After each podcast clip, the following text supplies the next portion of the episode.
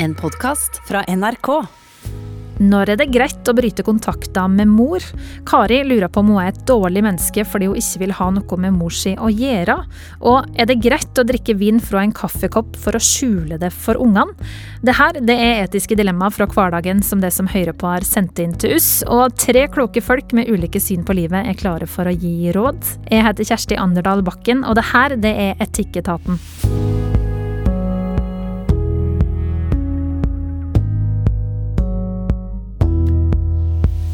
Jeg sitter her altså med Dora Toralsdottir, som står på scenen og får oss til å le av oss sjøl. Og det er jo ikke så veldig rart når du er ekspert på relasjoner som familieterapeut. Eh, Sven Biskår Sunde er. Eh, jeg vil si at du er mester i å få tøffe karer til å liksom smelte når de kommer inn i Heia fotballstudio. Såpass, ja. Er ikke det fint? Det er jo helt utrolig fint. Jeg synes det er en god egenskap. Uh, Ingrid Vatner Eise, du jobber i organisasjonen Menneskeverd. Mm.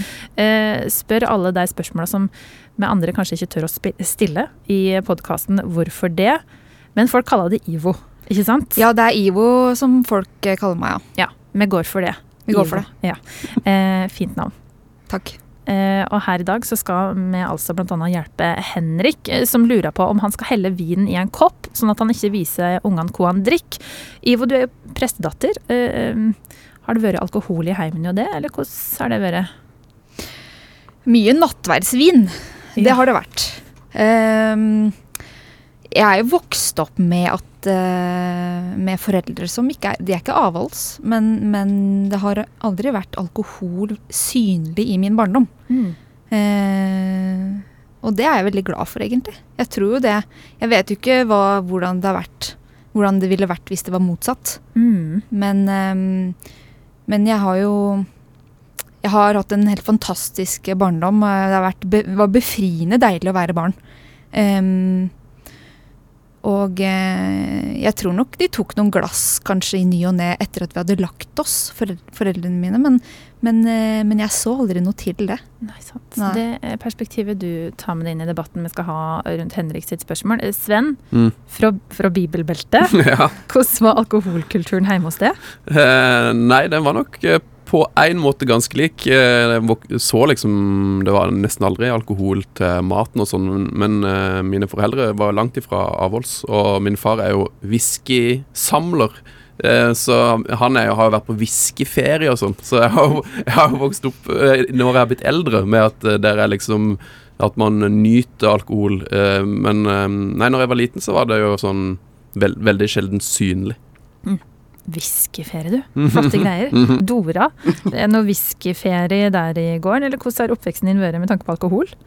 Du, når det kommer til alkohol, så jeg tror vi tre alle sammen bærer preg av en barndom med lite av det. Fordi at eh, Eller altså, det var alkohol, men det var eh, Hva skal jeg si for noe? Dette her er, det er akkurat som det er litt forbudt å si dette her, men de hadde en veldig sånn glede rundt det, som jeg har egentlig overtatt. Fordi på fredager så hadde de alltid gin og tonic når de lagde middag, som var altså så mye ståhei rundt dette. De gleda seg så fælt. Og så når de hadde en flaske rødvin, så var det så stas, og også den er fra det distriktet, og nei, sier du det, og Sånn at det var veldig sånn positiv klang rundt det. Og personlig så har jeg tatt det litt videre at, eh, at jeg syns det er litt stas med det, og, og da skal vi feire, eller det er noe positivt og sånn. Så, så jeg er egentlig veldig sånn eh, Hva skal jeg si for noe? At eh, jeg har bare gode erfaringer rundt det i oppveksten.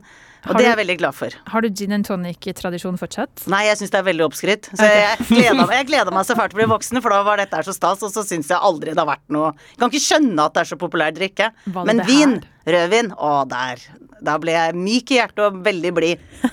Hva slags, eh, hva slags gin og tonic var det dine foreldre satte så stor pris på? Var det noe spesielt? Nei da, ingenting! Det var det mest klassiske. Det var gin og tonic oppi et sånt, de hadde egne glass bare til det, og så hadde de en sitronskive. Og dette klappa de og jubla vi. Så det sier jo litt om den tida òg, da, hvor moro det var å drikke alkohol. Og eh, jeg kommer fra en plass der jeg liksom måtte reise over fjellet for å kjøpe alkohol, liksom. Så ja, her er det Da var det også satt veldig pris på. Det var dyrt Mm. også før i tida. Eh, men OK, nå vet vi litt hvordan bakgrunn de kan ha, og så får vi se hvordan synspunkt de kan ha når vi skal ta opp Henrik sitt eh, dilemma snart. Men eh, vi skal ha litt mer sånn personalia før vi går i gang. Eh, Sivilstatus, alder, barn, hvor de kan befinne dere i truslandskapet. Sven, vil du Mm. starte? Jeg kan godt starte. Jeg er 38 år. Eh, Tobarnsfar, bosatt i Trondheim, eh, oppvokst i Trøndelag, utdanna filmviter. Eh, selvlært eh, radiomann og jobba i NRK i eh, mange år. Og så truselandskapet? Eh, nei, hva er vel Altså, jeg er ikke medlem av statskirka. Jeg er ikke døpt. eh, og jeg er mm, konfirmert hos humanetikerne. Så, eh, ja, så jeg står vel ganske sånn Jeg er ikke ateist, men jeg står vel litt sånn Jeg står, jeg står ikke inne på noen eh, steder, holdt jeg på å si. Mm. Og så har du fortalt i En fri agent. Du vet aldri hvor du har den agenten. Eh, og så har du fortalt før at eh, vokste opp i et miljø der det var eh, kristendommen var eh, utbredt eh, Mm. på Sørlandet i Mandal, men foreldrene dine skilte seg litt ut. Ja, mine foreldre er vel altså det er sånn Mamma og pappa har ikke engang samme etternavn selv om de er gift. Så, og ja, de har ikke døpt barna sine. Um, og jeg vokste opp i et, eh, sånn et rekkehus-nabolag som ble kalt Den røde plass. Så vi var det sånn venstre hippie-gjeng. Ja. Med masse humanetikere og lite fokus på eh, Iallfall mye mindre fokus på kristendom og religion eh, enn kanskje som er eh, det vanlige i, på, i den landsdelen. Ja. Ok, da har vi Mm. plassert det. Eh, Ivo, Ja. hvordan er det med det? Alder, eh, Jeg, barns barnstatus. Jeg er eh, 26, er gift, ikke barn. Bor i Lillestrøm. Vokste opp på bygda, eh, et sted som heter Hoff, som ligger eh, midt mellom Kongsvinger og Elverum. Da er vi i Hedmarken. Vi er i Hedmarken, rett ved svenskegrensa. Og jeg bor eh, Ja, jeg sa, nå bor jeg i Lillestrøm eh, og er utdanna tekstforfatter. Lager podkast. Ja. Samfunnsdebattant en tittel som dukker opp. Ja, det er vi ikke alle det. det er jo eh, Ja. Nei, det, er jo, det, var, det var dine ord. Så, men eh, jeg liker jo Det er jo ikke farlig å mene ting, men eh, Du har meina, meina litt greier opp igjennom. absolutt. Ja. Ja. Mm Eh, og så var det det her med tro. Ja. Eller tru. Jeg, eh, jeg tror på Gud, men jeg pleier ikke å gå rundt og si liksom Hei, jeg er kristen. Altså det begrepet kristen, begrepet religiøs, er ikke noe som jeg helt kjenner meg igjen i. Så jeg liker heller å si at jeg er en, en troende, fordi det er litt mer chill. Da får man ikke en sånn brennmerke i, i trynet av folk. Eh, opplevd at eh, at folk tror at jeg er drita kjedelig, liksom. For at jeg sier det. Og da, da har jeg slutta å si det. Og så kan jeg heller si jeg tror på Gud. Hva, hva tror du på, liksom? Det er mye lettere å tro enn å være en som skal på en måte Man, skal, man blir plassert inni en boks, Mm. føler jeg da. Mm. Ofte. Ja. De kan sitte i to åpne bokser, Sven og Ivo. Eh, Dora, hvilken boks vil du plassere det i? Eh, I forhold til tro? Ja. Du, det jeg, eh, kjenner på er jo at det, Altså, jeg tror vi er Sånn som så mange andre, så er det sånn en viss barnetro i, i bunn. Det vil si at det, det var eh, Gå i kirken på julaften og eh, hadde det kristendom på skolen og liksom lærte at dette her er det vi tror på. Men det var aldri en stor del av hverdagen, og det var lite snakket om. Og, og jeg husker i tenårene så reagerte jeg mer og mer på at eh, på julaften når jeg, når jeg først kom i kirken, så følte jeg jeg fikk kjeft fordi at jeg var full av synd. Og så tenkte jeg sånn, er det dette, er dette det jeg vil? Så jeg har vel kanskje beveget meg lenger unna den barnetroen jeg vokste opp med. Eh, så jeg, jeg er ikke så veldig religiøs, nei. Men tror du på Gud? Du, jeg tror at det er noe. og så klarer jeg ikke å definere helt. Min eks, han ble faktisk, eller ikke definert, men han ble erklært død to ganger, og han husker hva som skjedde. Og for å si det sånn, det er bare å glede seg, for det er kjærlighet å bli tatt imot med ja, han, i hvert fall hans erfaring, da, og mange andre som har lignende erfaringer, opplever jo at det er noe veldig deilig og godt og nydelig vi drar til. Så det tror jeg på, men jeg vet ikke helt hva det er og eh, hvilken boks jeg skal putte det inn i. Hvilke ord jeg skal bruke. Jeg kan skjønne at en eh, kan begynne å tro på noen høyere makter etter å ha opplevd det Ja. på nært hold. Mm. Mm. Eh, hvordan er det med eh, barn, sivilstatus, for din del? Du, jeg har to barn. Eh, en på 16 og en på 13. Og så var jeg singel og traff mannen i mitt liv nå i vår, eh, i pandemi. Så vi skulle gå tur, sånn som man gjør i pandemitid på date. Og det var rett etter at det regna midt i Drammen sentrum. Eh, hvor jeg bor, eh, og da bare sa det pang på en tirsdag klokka tre. Og så var det rett og slett kjærlighet ved første blikk, og han fridde etter tre og en halv måned. Så jeg gifter meg i 2023, så her går det unna.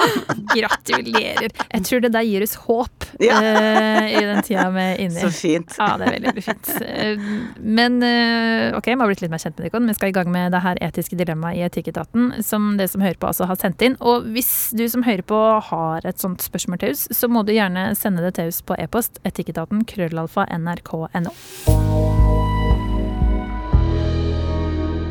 Det første dilemmaet i dag det kommer fra Henrik, som skriver til oss på e-post Kjære Etikketaten. En mann som er glad i et glass rødvin, både til helg og til hverdags. Og jeg drikker med ikke snydens, men tar gjerne vin til maten, og kanskje etterpå òg. Jeg har barn i barneskolealder, og jeg tror ikke de syns det er noe skummelt at vi drikker, men de er nysgjerrige og spør meg ofte hva jeg drikker hvis jeg tar et glass vin eller øl.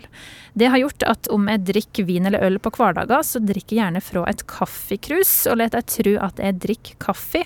Og bare for å understreke, det er altså bare snakk om et glass eller to. Men bør jeg si det som det er, hva det er jeg har i koppen? For hva skjer hvis jeg oppdager at det ikke er ærlig? Helsing Henrik. Ja, Sven, altså, du har små unger. Mm. kan du åpne en øl eller eh, vinflaske foran deg? Jeg har vel Jeg har vel gjort det, men uh, vi har på en måte eh, De er, så, er såpass små, egentlig, så det er veldig bra timing. For det, vi har så små unge, de er to og fire, at um, det her er på en måte en problemstilling som vi akkurat nå er i ferd med å liksom komme inn i sjøl. men vi har hatt et sånt Vi har tenkt at vi ikke skal ha så mye alkohol foran ungene. Så som regel så åpner jeg vinflasker etter at de har uh, lagt seg, da. Eh, Men eh, jeg har jo gjort det. Jeg tenker jo at man, man kan det, men kanskje ikke um, hver dag, f.eks. Men det at du kanskje går for å vente til det har lagt seg, er det fordi at eh, du ikke vil at jeg skal se at det kanskje har en effekt på det, eller er det det at du ikke vil vise at du drikker?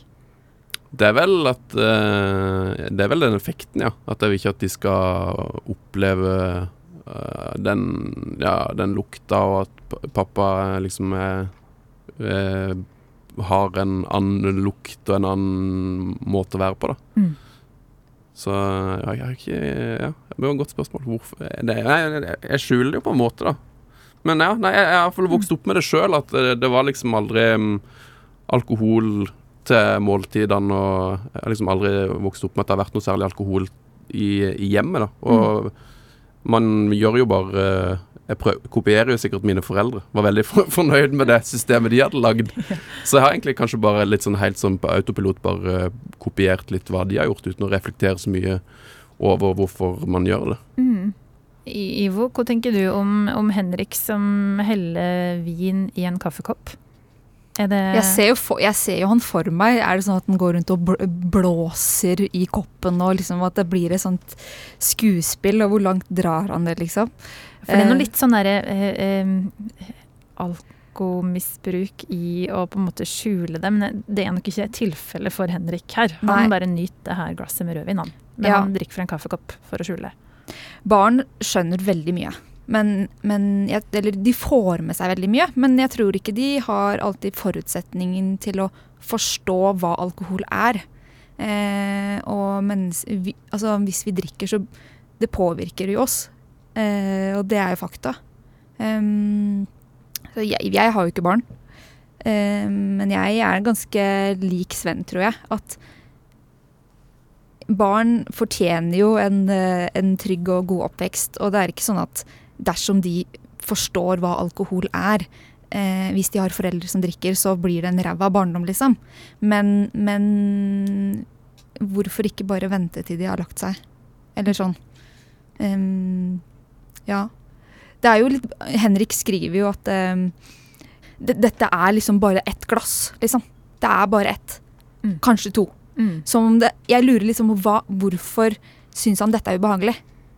Eh, hvor kommer det ubehaget fra, lurer jeg på. Mm. Mm. Godt spørsmål. Eh, eh, Dora, eh, tenker du at det er en god løsning å, å skjule at Henrik drikker, eller? Nei, jeg tenker jo egentlig at man skjuler gjerne ting når man skammer seg. Eh, når man ikke er fornøyd med de valgene man tar, og så vil man ikke at andre skal vite om det. Sånn at eh, jeg lurer litt på om han f.eks. har vokst opp i et hjem hvor ikke man skulle drikke foran barna, og så prøver han en litt sånn eh, annen variant, da, sånn at de ikke får det med seg helt. Men det som jeg tenker som er ulempen av det, da, hvis han har Han sa at han hadde barn i barneskolealder. Altså hvis det er en tiåring, da, som går forbi denne liksom kaffekoppen, og så finner ut at å ja, det er røven oppi. Det som skjer, som er litt kjipt, er jo at man mister litt tillit til de man ikke føler man kan stole på. Eh, hvis det er å ja, han later som han drikker kaffe, så er det vin. Hvor ofte har han gjort dette her? Hvor stort er egentlig forbruket her? At det kan sette i gang en tankerekke om at dette er et større problem enn det det egentlig er.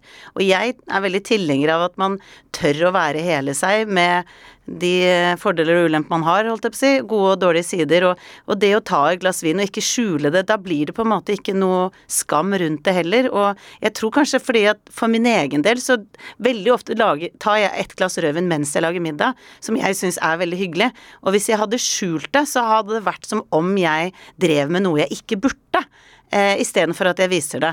Sånn at det er et eller annet Jeg, jeg er litt enig i Ivo at eh, hvor, hva kommer det av? Hva er det han prøver å skjule? Hva er grunnen til at dette er litt vanskelig, og, og noe han skal liksom holde unna barna? Det ble jeg veldig nysgjerrig på. Men er det usunt å, å drikke et par glass rødvin på hverdager foran ungene, tror du, Dora? Nei, jeg tror ikke det er direkte usunt med ett glass eller to, men det er klart eh, hvis han kjenner at vet du hva, det er såpass ofte at jeg vil ikke at de skal tro at faren deres er alkoholiker. For jeg husker at jeg åpna en øl en gang, og jeg pleier nesten aldri å drikke øl. Og da husker jeg sønnen min, da tror jeg han var 10-11 år, sa mamma er du alkoholiker? Fordi at det var en torsdag, og, og jeg åpna en øl og klokka var seks, liksom. Og han trodde at å ja, da er man alkoholiker, man drikker på en dag. Så jeg tror at det er fint med noen, noen ærlige samtaler. Men jeg tror bare at når man skjuler noe, og hvis barna finner det ut, så kan dette bli mye større enn det problemet egentlig er. Mm. For man begynner å tro at dette her har kanskje pågått i lengre tid, og han har, Jeg så han drikke kaffe i dag tidlig, kanskje det var rødvin. Og så begynner man å lage ting som ikke fins, faktisk, av problemer. Mm. Men hvis eh, Henrik her skal begynne å drikke mer sånn eh, åpenlyst, eh, syns du det er for masse drikking da, hvis det er sånn et par glass på, på hverdager, Sven?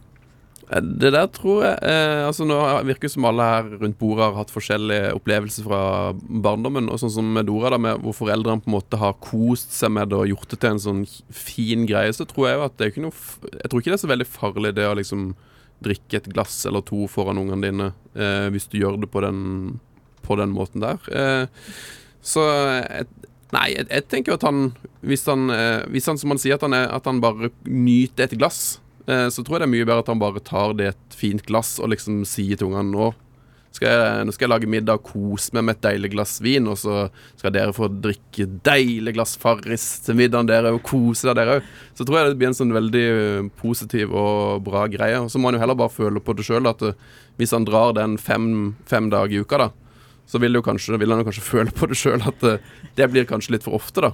Ja. Mm.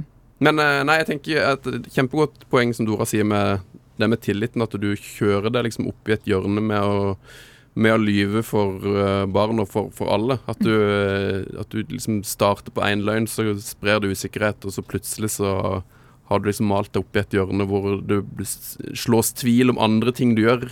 Mm. Oi, hvorfor gjorde du det? Stemmer alt det andre her du har gjort, liksom. Mm. Men bør en liksom eh, Ivo prate med ungene om de syns det er ubehagelig at mm. eh, mor og far drikker? Ja, Først må, må, man jo finne ut om barna syns det er ubehagelig. Altså, Jeg eh, har jo aldri opplevd det med mine foreldre at jeg har vært utrygg. Um, fordi de har ikke drukket foran meg da jeg var liten. Så jeg vet ikke hvordan den følelsen er. Eh, men ja, det skader jo ikke å, å, snakke åpent og ærlig om dette om uh, hvis, han, hvis, Henrik kan, kan mm, spørre direkte og være litt sånn ærlig på, uh, på dette. Og løgn fører jo ikke til noe bra. Og, skjule, sånn som Dora sier, altså um, at det, det, tror jeg ikke er en god løsning på mm. dette, dette dilemmaet. Mm. Mm. Det høres ut som kanskje Henrik må kutte ned litt på alkoholforbruket, da, Dora? Eller? Nei, jeg, jeg tenker jo ikke nødvendigvis det er ett til to glass. Det er jo det er noe med å være ærlig om at det er faktisk veldig utbredt og høyst normalt i mange, mange hjem. På hverdager? Ja, det, alkoholforbruket har jo gått opp til å bli mye mer sånn kontinentalt. At uh, i Frankrike så drikker du jo vin til lunsj, holdt jeg på å si. Og det er liksom blitt Vi begynner å ligne mer på Sør-Europa enn det vi gjorde før. For før var det jo Altså grøftefylla hver helg var jo mer sånn norsk tradisjon. Nå er det liksom blitt mer sånn jevnt over mer i hverdag, og kanskje ikke fullt så mye av det, og i hvert fall ikke pandemi. Men, eh, men, jeg tror at hvis han eier dette her, og ikke skammer seg over det, og, og, og viser at 'Å, nå gleder jeg meg, nå skal jeg ta ett glass vin her', og det er greit, så blir jo ikke dette her egentlig problem. Jeg bare lurer på om, om han lager et problem som kanskje egentlig ikke fins. Mm. Mm. Eh, eh, Henrik, her har du fått eh, veldig mange råd. Men det høres ut som den her kaffekoppen med vin, den må vi nok sette til sides. Vinen skal i et glass. Det skal være synlig, og du skal vise at du nyter her. For det kommer ikke noe godt ut av å skjule det, for det viser jo egentlig at du skammer deg over det. Og da må du leite i hvor her skammen egentlig er for noe, for da kanskje da ligger en følelse av at jeg drikker litt i meste laget, eh, faktisk. Eh, og er det noe med at um, hvis ungene finner ut det her, det var du jo inne på sjøl, Henrik, da kan det hende at det spinner en tankerekke her om hvorfor pappa driver og skjuler alkoholforbruket sitt. Um, men um, du har jo fått go for å liksom nyte et glass rødvin eller en øl, og det kan jo være at flere setter pris på å få en tommel opp på det.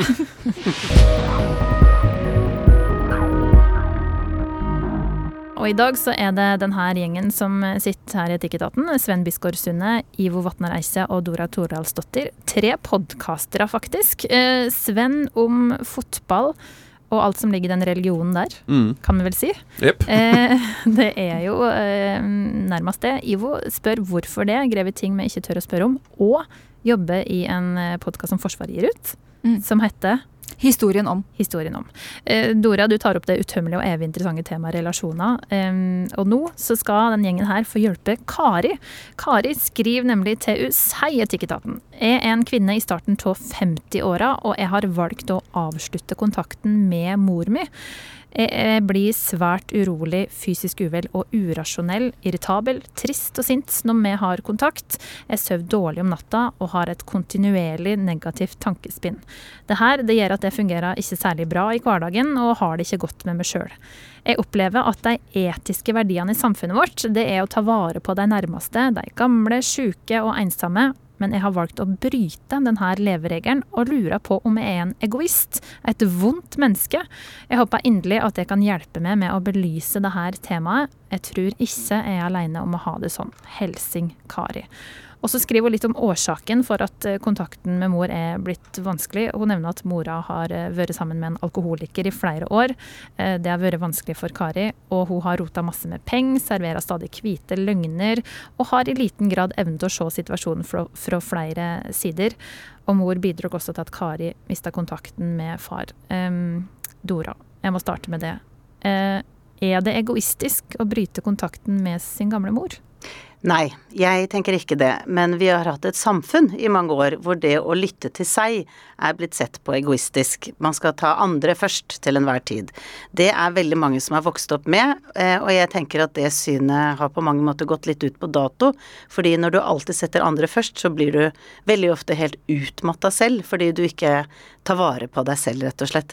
Så heldigvis så endres tidene, og det begynner å bli mer og mer aksept for å eh, ta vare på seg og ta gode valg for seg. Og hvis hun opplever at livskvaliteten hennes går opp, og hun får det bedre ved å ikke ha moren som jeg hører har forårsaket mye smerte og mye vondt i livet, så, så er jeg den første til å stå langt foran og klappe høyt og juble, fordi at det, det gjør at hen, hun får det bedre. Og det er ikke egoistisk, tenker jeg. Mm. Men Sven, når er det greit å bryte kontakten, da? Åh, oh, Det er jo et forferdelig vanskelig spørsmål, da. Mm. Um, det som jeg tenker på for Kari sin del, er at hun sier at hun liksom hun er 50 år og har liksom Det høres ut som hun har stått i dette her fryktelig lenge, da. At det, det er ikke liksom det er ikke noe hun har De har ikke blitt uvenner i storefri, og så Vi er uvenner for alltid, og så er det liksom det, det, her er noe hun har gått og tenkt på og tenkt på mm. hele livet, og som tydeligvis òg har liksom kosta ganske mye. Um, så eh, jeg, jeg, skjønner, jeg, hører på en måte at jeg skjønner hvor, hun- hvor, hvor det valget kommer fra. Så Men jeg skjønner også at du trenger støtte fra folk rundt deg om at det er greit.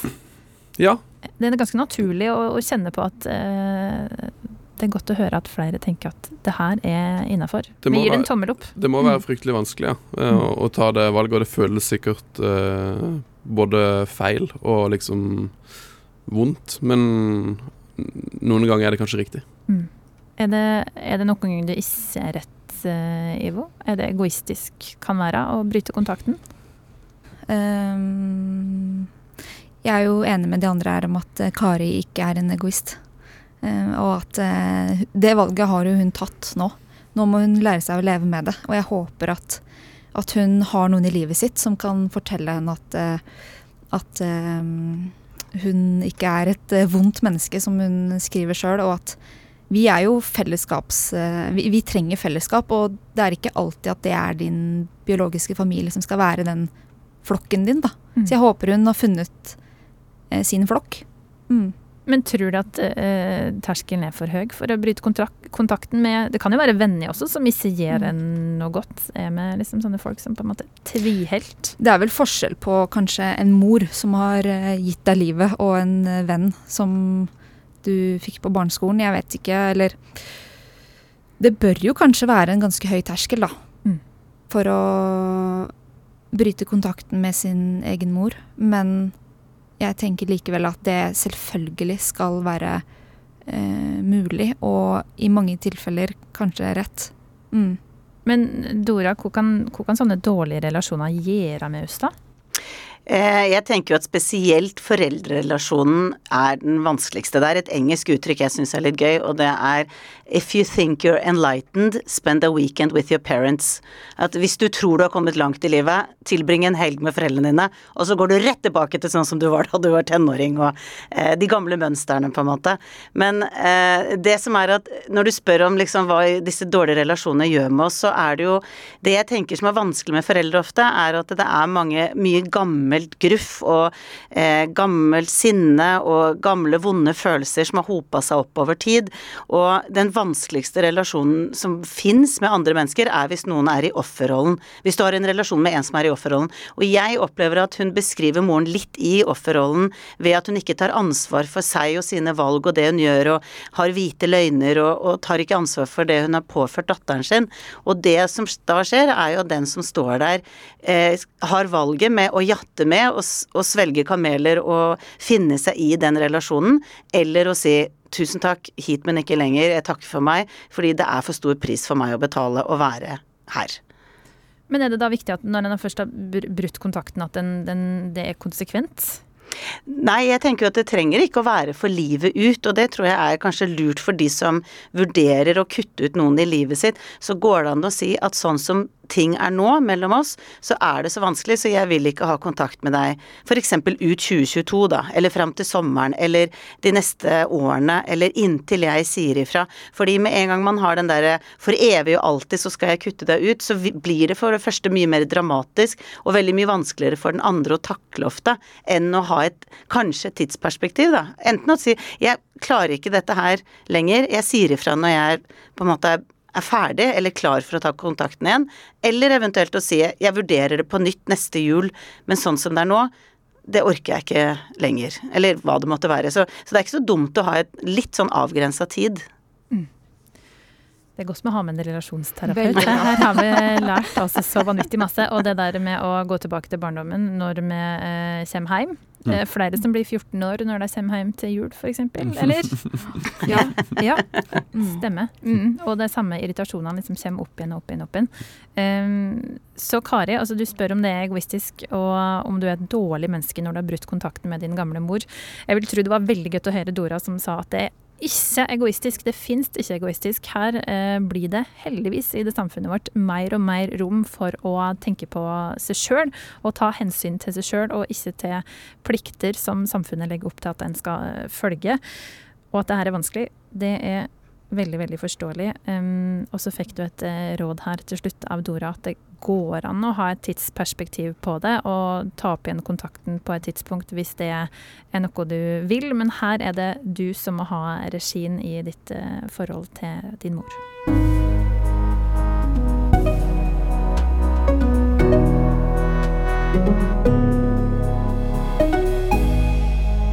Kjenner ble liksom prega av Kare sitt eh, spørsmål til. Eh, men vi skal gå videre til en tradisjon som vi har her i Etikketaten, og det er at vi tar et, en pause fra det her etiske dilemmaet, som, som kan være litt vriene. Har vært litt vriene i dag. Eh, og så skal vi heller utfordre dere i panelet eh, på noen spørsmål som ligger oppi her i Den hellige gral. Og målet er å bli litt mer kjent med dere. Eh, og det er altså programleder i NRK Radio, Sven Bisgaard Sunde, Ivo Vatnar Eise, samfunnsdebattant og podkaster, eh, og familieterapeut og komiker Dora Toralsdottir, som sitter her i panelet i dag. Og jeg tenkte at Ivo, du kan få starte. Spennende. Yes. Skal vi se. Er det lett eller vanskelig å påvirke deg? Ja. Oi, det har jeg aldri tenkt på før. Så da er det vel lett. ja, det, jeg, det spørs helt hvem vi, eh, vi, vi snakker om her. Er det eh, moren min som sier noe, så, så er jeg jo alt som regel enig med henne, tenker at hun er det klokeste mennesket på jord som, som, som, mener dette. Og jeg ringte faktisk henne rett etter at jeg hadde fått vite at jeg skulle hit, og dilemmaene og sånt, og te tenker at hun er veldig klok. Men sånn influensere, nyheter Nei. Følger du, følger du strømmen? Er det sånn, og alle hadde musikkstilbukse, da hadde du det òg? Nei, eller? motsatt. Ja, ikke sant? Sier jeg, så sitter jeg her med sånn ballgenser. ja, Sven har fjellreven, altså det er ikke så mye bedre, men uh, Ja, for var, jeg kjenner uh, sjøl at det var sånn Å ja, er det det som er trenden? Alle skal ha uh, fjellrevensekk, som har vært en greie. Det har jeg skal i hvert fall ikke ha det. Ja, så du er litt mer lettere å påvirke, Sven, eller? Ja, jeg tror jeg er veldig lett påvirkelig. Ja. Uh, jeg kan snu i Altså Hvis dere tre hadde kommet med tre forskjellige argumenter, så hadde jeg antakeligvis hivd meg på det Ivo sa først. Og så kom Dora med et annet argument, så var jeg enig med henne. så hadde jeg vært enig med det til slutt. Ja, det var lurt. Det var lurt. Jeg blir med på det. Konfliktsky, kaller vi det. Ja. ja. Uh, Dora, uh, hvordan er du? Jeg tenker at når folk har gode argumenter og har lest seg opp og har mye fakta, eh, da kommer jeg ofte til kort. Så hvis jeg sitter og diskuterer, la oss si noe innenfor politikk, og jeg mener noe sånn ganske sikkert, så skal det ikke så mye faktainformasjon, og så blir jeg sånn ja, nei, jeg tror kanskje ja. Ja, ja, ulven bør leve. Eller ulven bør Altså, fordi at jeg står ikke eh, godt nok forankra i det jeg tenker. Men sånn når det gjelder verdivalg og, og menneskesyn og sånn, så er det noen ting som jeg bare er urokkelig virkelig på. Eh, så jeg tror nok at eh, jo mer usikker jeg er på en sak, jo lettere er det å påvirke meg. Ja. Ikke sant? Ja, det tror nok jeg òg. Ja. Hvis, hvis, vi diskuterer 4-4-2 eller 4-3-3 i fotball, f.eks., så jeg, har jeg ganske sterke meninger. Ja, ja, Men hvis, det, hvis, vi skal over på noe som er, hvis det er politikk eller noe som er liksom litt mer sånn usikker på, så kan det skyves i alle retninger. Ja. Men, men altså, alkohol er jo stadig et tema i, i um, Etikketaten. Vi har jo vært innom det her også. Uh, er det ikke sånn som går inn på en fest og tenker jeg skal ikke drikke i dag, og så klarer de ikke å gjennomføre? Eller sånn å ja, så litt godt ut, da. Eller Sven? Ja, nei, nei. Ja, jeg, kan, jeg, kan, finne på å tenke det, ja, men det klarer jeg aldri å holde. Nei, ikke sant. Men jeg er sånn som tenker sånn spesielt, Ja, spesielt når jeg, før jeg fikk barn, så var det sånn Da kunne jeg tenke hver søndag skal jeg aldri drikke igjen. Ja. Og så kom fredagen. Det kom torsdagen, da. ja. Onsdag. Tirsdag. Ja, ja. ja. Nei, sånn er det. Eh, eh, vi hopper videre til neste spørsmål. Eh, Dora, vær så god.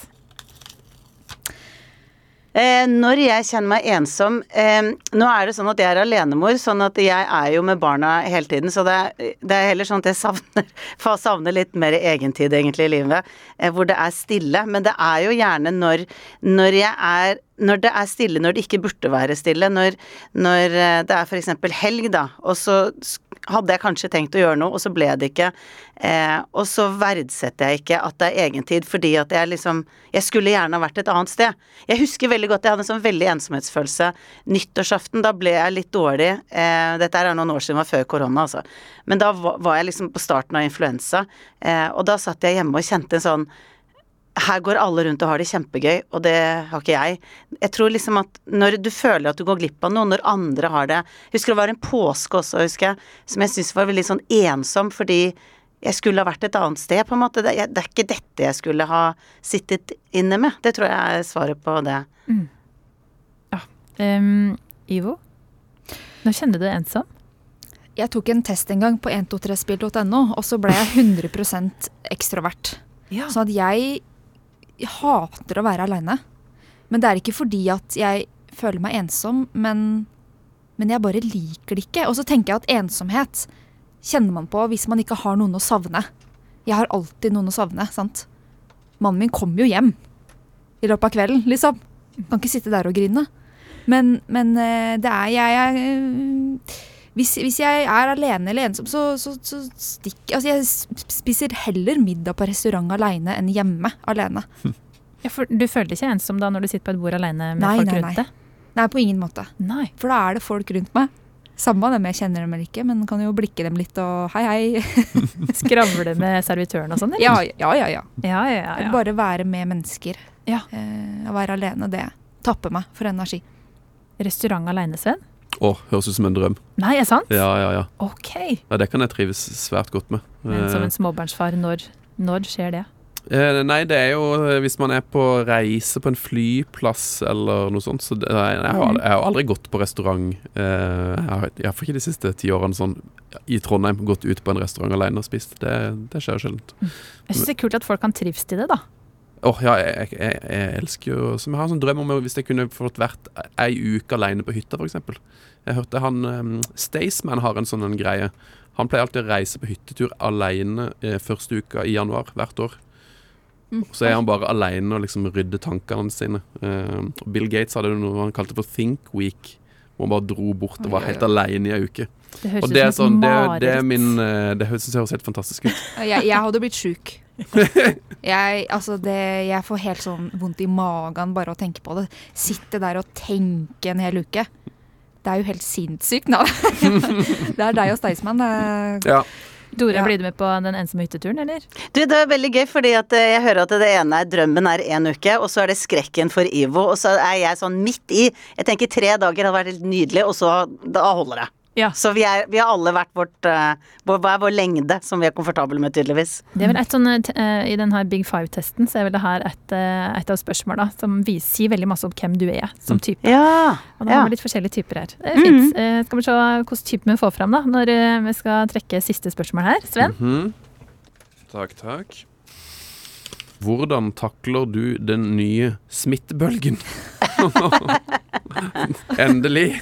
Her sitter vi innestengt, ja. Er det godt å være tilbake på hjemmekontoret? Nei, det er forferdelig. Eh, jeg, har, eh, jeg, mener sjøl at jeg har liksom stålsyke, eh, og at det har Jeg har egentlig på en måte trøsta meg med at jeg har Jeg at jeg har hatt det veldig bra i sammenligna med veldig mange andre. Jeg har, liksom, jeg har jobb, jeg har familie, jeg kan være på hjemmekontor, trives med det, og bare har levd med en sånn glede over at Ja, OK, det, det går nå greit. Men jeg kjente det når det kom når jeg, jeg hadde, De siste tre månedene så sånn, nå, er jeg, nå er vi ferdig med den pandemien. Så når det kom en sånn ny trøkk, så var jeg ikke, jeg var ikke forberedt på det.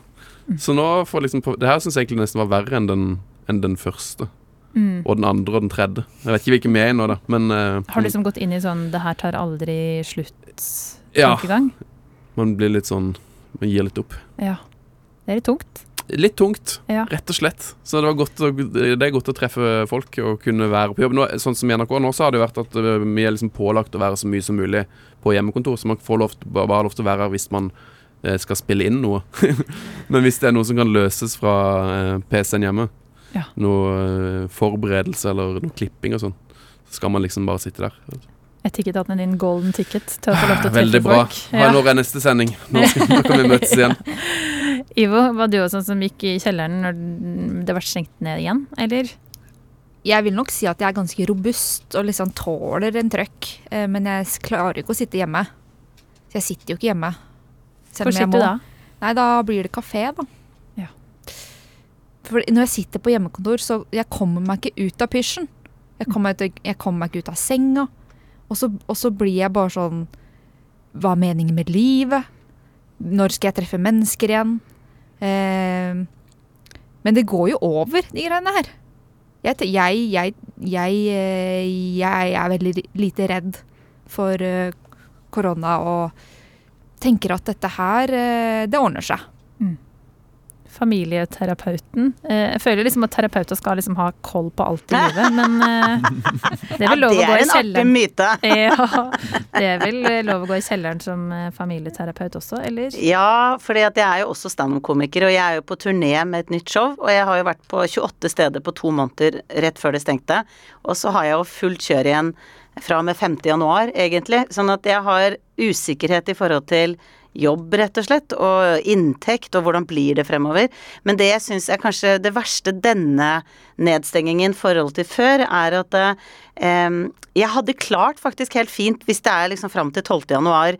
Hvis jeg hadde visst at det er to streker under svaret, så hadde jeg tenkt det er greit, ok, vi har hjemmeskole nå, vi, vi, det er som det er. Eh, det takler jeg. Men når jeg ikke aner fordi at vi har jo opplevd at vi trodde det skulle vare en kort tid i mars 2020, og vi trodde jo det i juni, og vi trodde det i september 2020, og vi trodde Ikke sant. Det er litt denne forlengingen hele tida, og den syns jeg er utrolig kjip. Fordi nå vet ingen noen ting, og den er liksom Man blir litt motløs av det, da, syns jeg. Det hadde vært så deilig å se inn i en kule og bare visst hvilken dato vi er ferdig. Mm. Det hadde, vært, det hadde vært lettere hvis du bare sa sånn det, Nå er det karantene fram til 2023. Ja. Det er kjipt, men da, Ja. sånn, ok, ja, men da vet vi det. Bare gi meg et svar. Ja. Ja. Takk for kloke svar. Jeg tror mange som kjenner seg igjen i det de har sittet og snakket om nå. Eh, Noen må sitte på kafé, og noen har det helt eh, supert hjemme. Men vi skal videre til et eh, annet etisk dilemma som en av de som hører på, har sendt oss.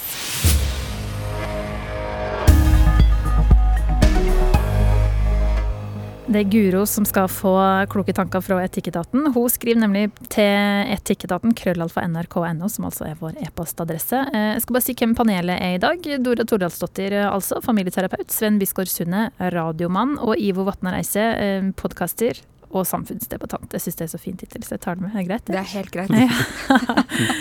Guro skriver altså til oss. Hei, jeg har en sak som jeg gjerne skulle ha hørt dere drøfte. Jeg er gift for andre gang med en mann som har to barn fra før, og jeg har også sjøl to barn fra før. Alle er mellom 8 og 13 år. Ikke nok med det, vi har et barn sammen også, ei jente på fem. På julaften i år så kommer alle fem barna til oss, og det gleder vi oss til. Men så var det det her med julegave. Fire av ungene har også flere sett med besteforeldre, tante og onkler og får gave av alle sammen, mens det yngste barnet vårt har to sett med besteforeldre og bare ei tante. Ja, det her er et ilandsproblem, men det blir veldig synlig på julaften når de fire eldste ungene sitter der med en haug med gaver, og minstejenta blir ferdig med å pakke opp nesten med en gang. Vi har prøvd å si til eksene våre at de må dempe det her gavekjøpet sitt, men de syns det er så koselig med julegaver, særlig når de ikke er sammen med ungene på julaften. Hva ville det gjort med det her? Helsing Guro. Her er det altså en gjeng som skal feire julaften, eh, der fire til fem unger eh, kommer til å få flere gaver enn den siste ungen. Em, Hva kan Guro gjøre med det her, Ivo?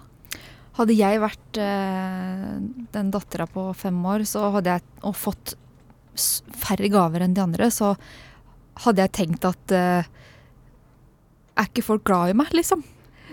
Nei, men gaver på julaften, det er det beste som fins.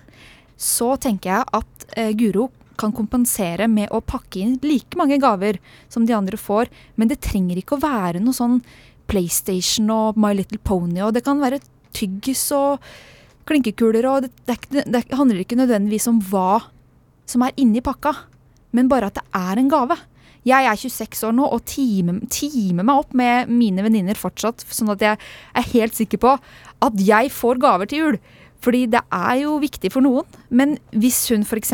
syns tid er viktigst, så er det kanskje en kinobillett. Men hvor moren sier da, bare vi to skal gå på kino etter, etter nyttår. Kanskje det. Så det spørs jo litt hva hun blir glad for, Mm. rett og slett. Altså, du har eh, jente på fire, Sven. ja. Straks fem. Straks fem. I rette alderen for det her. Eh, Ja, hun er født eh, bitte lille julaften, så dette her er jo en problematikk som antageligvis kommer til å komme inn eh, hos sitt liv, da. Eh, med at hun eh, jo får bursdag og julaften mer eller mindre på samme dag. Er de da sånn strenge på at det skal ikke slås sammen? Eller? Ja, det her har vi ikke, dette har vi ikke tenkt så mye på ennå. Hvor bevisst er hun eh, gavehaugen sin? Eh, Sammenligna med søsken, f.eks.? Nei, han, er- hun har en lillebror, så der er det, det Han skjønner jo ingenting, så der har det ikke blitt noen sånn sammenligning ennå. Men ehm, Eh, og det er fordi at han er liten at, altså. Hørtes hørtes litt sånn strengt ut at han ikke skjønner noen ting. Eh, men han er to år, så han har ikke hatt så mange jul som han har tenkt så mye på. Eh, nei, men um, Nei, Gavhaugen, det har hun ikke Jeg tror det her er på en måte første året hun gleder seg ordentlig til jul. Mm. For i fjor så begynte hun liksom å skjønne konseptet litt, mens nå har hun gått og gledet seg lenge, da. Eh, så jeg skjønner jo at det, at det er viktig. Eh, men fra min oppvekst så er det jo et litt lurt konsept, og det er jo at man, eh, som ble nevnt her, lager flere gaver. Og så gjerne fra sånne fiktive personer, som f.eks. Sånn nissen i skur, og kanskje du får en ekstra gave fra nissen i Drammen, eller ikke sant. Ja. Sånne ting. Ja. Eh, og det trenger ikke være en stor ting. eh, det Bare Kanskje du får noe klinkekull eller noe sokke eller godteri eller noe sånt. Mm. Men at du kan da utjevne eh, det her eh, haugbalansen, eh, sånn at den haugen blir større til den siste her, da. Men Dore, er du enig i at eh, mor bør kompensere for eh, den litt eh, den, den lille gavehaugen? Eller, eller kan det her liksom være en mulighet til å lære ungen om urettferdighet? Verden er urettferdig. Eller eh, er det Jeg skjønner hva du mener. Jeg skjønner hva du mener, og denne fireåringen kommer jo til å ha flere julaftener etter hvert hvor hun skjønner at jeg har ikke like mange besteforeldre, eller sett med besteforeldre som mine søsken. Men det som er at fram til ca. seks-syv år så er vi følelsesvesener. Vi er i følelsene hele tiden. Det vet jo alle som har små barn, at de er altså følelsesstyrte hele veien. Og så når du er seks-syv år, så begynner du å tenke mer logisk og rasjonelt. Og da kan du skjønne at ok, de andre får flere gaver enn meg, fordi ikke sant, du skjønner logikken i det. Sånn at jeg er litt på lag med vår kjære innsender på at dette er ikke lett for en liten jente å skjønne. Og da er det noe med å tilpasse litt. Og jeg syns det var veldig bra forslag med å kjøpe flere gaver, ikke kjøpe én gigantisk gave, og så legger, legger vi alt i det, men å ha kanskje åtte små gaver, liksom, for den saks skyld. For det er ikke så viktig hva som er der, men det er det å pakke opp, og, og så er det litt eh, Kan det være billigere gaver, rett og slett, fra eh, samme person? At det er tre gaver fra eh, mamma, og så kan pappa gi to gaver, og så kan det være gaver fra søsknene, bare sånn for at det blir like mange, da. Fordi at et barn på fire vet jo ikke helt hva ting koster, og legger ikke så mye i det. Så jeg tror det var et veldig godt forslag. Og så tror jeg at det kan være fint å snakke med de eldste barna og si at eh, eksempel, og det er jo å gi dem litt tillit òg, at eh, vet du hva, når hun har sovna i kveld, så vil jeg gjerne at dere åpner opp gavene fra oss, eller fra eh, de og de besteforeldre. To gaver dere kan velge selv. Så kan vi ha en sånn minijul hvor vi åpner de siste to gavene for at det ikke skal bli så urettferdig for henne, for hun er bare fire. Og jeg er veldig sånn opptatt av at vi tar litt vare på de minste barna som ikke alltid forstår. Eh, for det gjør de faktisk når de er litt eldre. Så jeg er veldig med på at man kan tilpasse litt, og så kommer hun til å skjønne etter hvert at verden ikke er rettferdig når hun blir litt eldre. Men da må man jo også passe på at det ikke liksom flasher det her gavene, da. At det ikke er Ja. sånn 'sjekk her, da, Spiderman, megakul'. 'Å ja, har du fått gaver?' Jøss, urettferdig. Ja, men samtidig så er det noe med ikke ødelegge julaften for de andre fire og si sånn demp dere, demp dere, demp dere. Ta hensyn, ta hensyn, ta hensyn. For da plutselig er det Da handler hele julaften om denne fireåringen plutselig. Så jeg tenker at det er jo fint at de er fornøyd med gavene sine, men eventuelt at de spa... Eller de får lov til alle sammen å åpne én fra besteforeldre som eh, om morgenen eller eh, uten at hun på fire er involvert, for eksempel. Da. Eller at det er flere smågaver til den fireåringen. Og så kan man si at det er sånn faktisk, at sånn og sånn og sånn. Men eh, ja.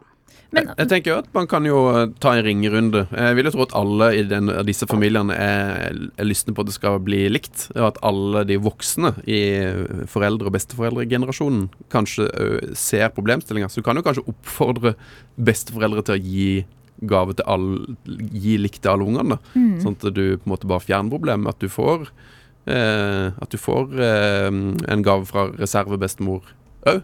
Ja. Du kan ta, rett og slett bare subsidiere eh, gaveinnkjøp fra besteforeldre. da. Og da kan jo Guro eh, på en måte ta på seg jobben med å fikse. Altså Ja. si kan jeg bare skrive at den her er fra det, fordi her har vi en situasjon Mm. der ting er urettferdig. Og sånn skal det ikke være på julaftennivå. Sant? Nei, det er jo litt kjipt å få akkurat det samme som søsknene sine, på en måte. Altså, det er jo litt gøy å, om så vi får sokker, og litt, litt forskjellige typer sokker. En litt annen type klinkekule. Men eh, jeg tenker også det handler om måten disse er pakket inn på.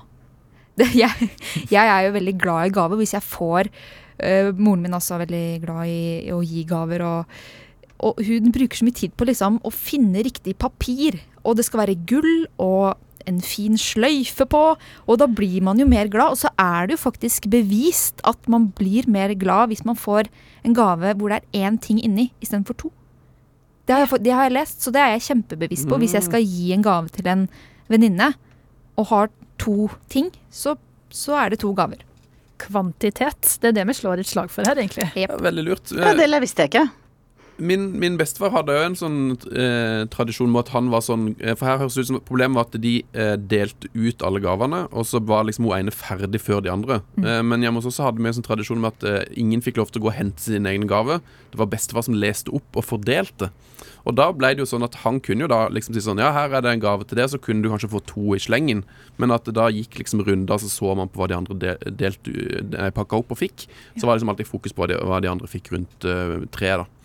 Og da vil, da vil man jo, hvis du da tar noen som er en sånn seremonimester, så vil man kanskje òg kunne si sånn Her fikk du to, så, men så blir det mer fokus på den ene til hun, eh, hun som får færrest, da. Så det ikke blir en sånn fysisk haug som er faktisk ujevn i Ja. størrelse. Og så Da kan du jo time det litt sånn at folk får gave med jevne mellomrom. Så må man liksom rette fokuset i, rundt ringen, da. Veldig mange gode forslag her, eh, Guro. Tror jeg setter veldig pris på det. For det her er jo ting som hun kan fikse, eh, også når det er liksom kort tid til jul. At hun ikke må føle at hun må ta en ringerunde eh, nå når det er verste julaften. For det blir jo litt travelt. Men eh, en seremonimester, var det Mhm. du kalte det? Ja, det, en, det har jeg jo vært et par ganger. Veldig gøy. Litt krevende, eh, men eh, du får, du får veldig mye selvtillit av det.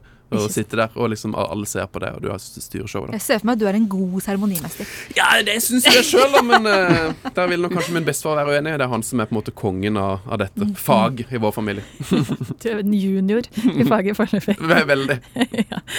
Ok, Guro, du spør altså eh, hvor mye Ticketaten ville gjort med denne ujevne gavefordelinga. Eh, mange råd her. Pakke inn litt sånn småting. Eh, kanskje ikke gå for liksom den O store gava, men eh, her er det altså kvantitet og antallet på gaver som gjelder. Også innpakking, det skal du faktisk ikke kimse av, sånn som Ivo snakker om. Og eh, for en fireåring, kan du bekrefte at det fortsatt er artig med tau og greier, eh, Sven? Å ja, ja, ja. ja. Ja, ja, ja. Nei, nei, jeg tenker jo her at du kan jo ta det gode gamle luregavetrikset. Sånn at Selv om du bare skal gi bort en liten bok, så pakker du den inn i en pakke, i en stor pakke, i en større pakke, og så til slutt i en kjempe, kjempestor, Ja. enorm pakke. Så kan du stå og pakke på den i ti minutter, og det er pakke på pakke på pakke. Og så inni så ligger det en, en fin liten bok, eller bare kanskje bare en, en liten nøtt. Ja. Men så har du rett og slett en, en imponerende pakke som du går og gleder deg til. Som ikke nødvendigvis er noe mer enn et pakkemesterverk som Ja. tar lang tid. Ikke sant. Ja, kjempelurt. Eh, og så eh, har du også hørt fra fagpersonen her at om eh, seks-sju Når ungen er sånn seks-sju år, så blir det også eh, mer rasjonell tankegang, mindre følelsesstyrt, kanskje lettere å snakke om det her eh, problemet. Men eh, nå på julaften så eh, må målet være å ta vare på det her små som er liksom ekstra følelsesstyrt. Og så får vi se da hvem som blir seremonimester. Kanskje er det den heldige fireåringen som kan være litt sånn eh, sjef og dele ut litt gaver sånn. For det syns i hvert fall Sven er veldig stas. Anbefales. Og det var altså de dilemmaene som jeg rakk å tenke høyt rundt i Etikketaten i dag. Tusen hjertelig takk for at dere kom hit og delte det her kloke tankene deres. Eh, relasjonsterapeut Dora Toralsdottir, samfunnsdebattant og podkaster Ivo Vatnar Eise og radiostemme Sven Bisgaard Sunde. Eh, jeg er helt sikker på at vi har fått eh, tankene til å spinne i folk som hører på oss. Neste uke er vi også tilbake med eh, tre andre kloke folk som gir deg råd om hvordan du kan løse etiske dilemmaer fra hverdagen. Og hvis du har et dilemma til oss, så må du gjerne skrive det til oss på e-post etikketaten krøllalfa nrk.no. Jeg heter Kjersti Anderdal Bakken, og husk da at du kan høre Etikketaten hvor torsdag klokka tolv i P2 og når som helst som podkast i appen NRK Radio. med høyrest. Du har hørt en podkast fra NRK. Hør flere podkaster og din NRK-kanal i appen NRK Radio.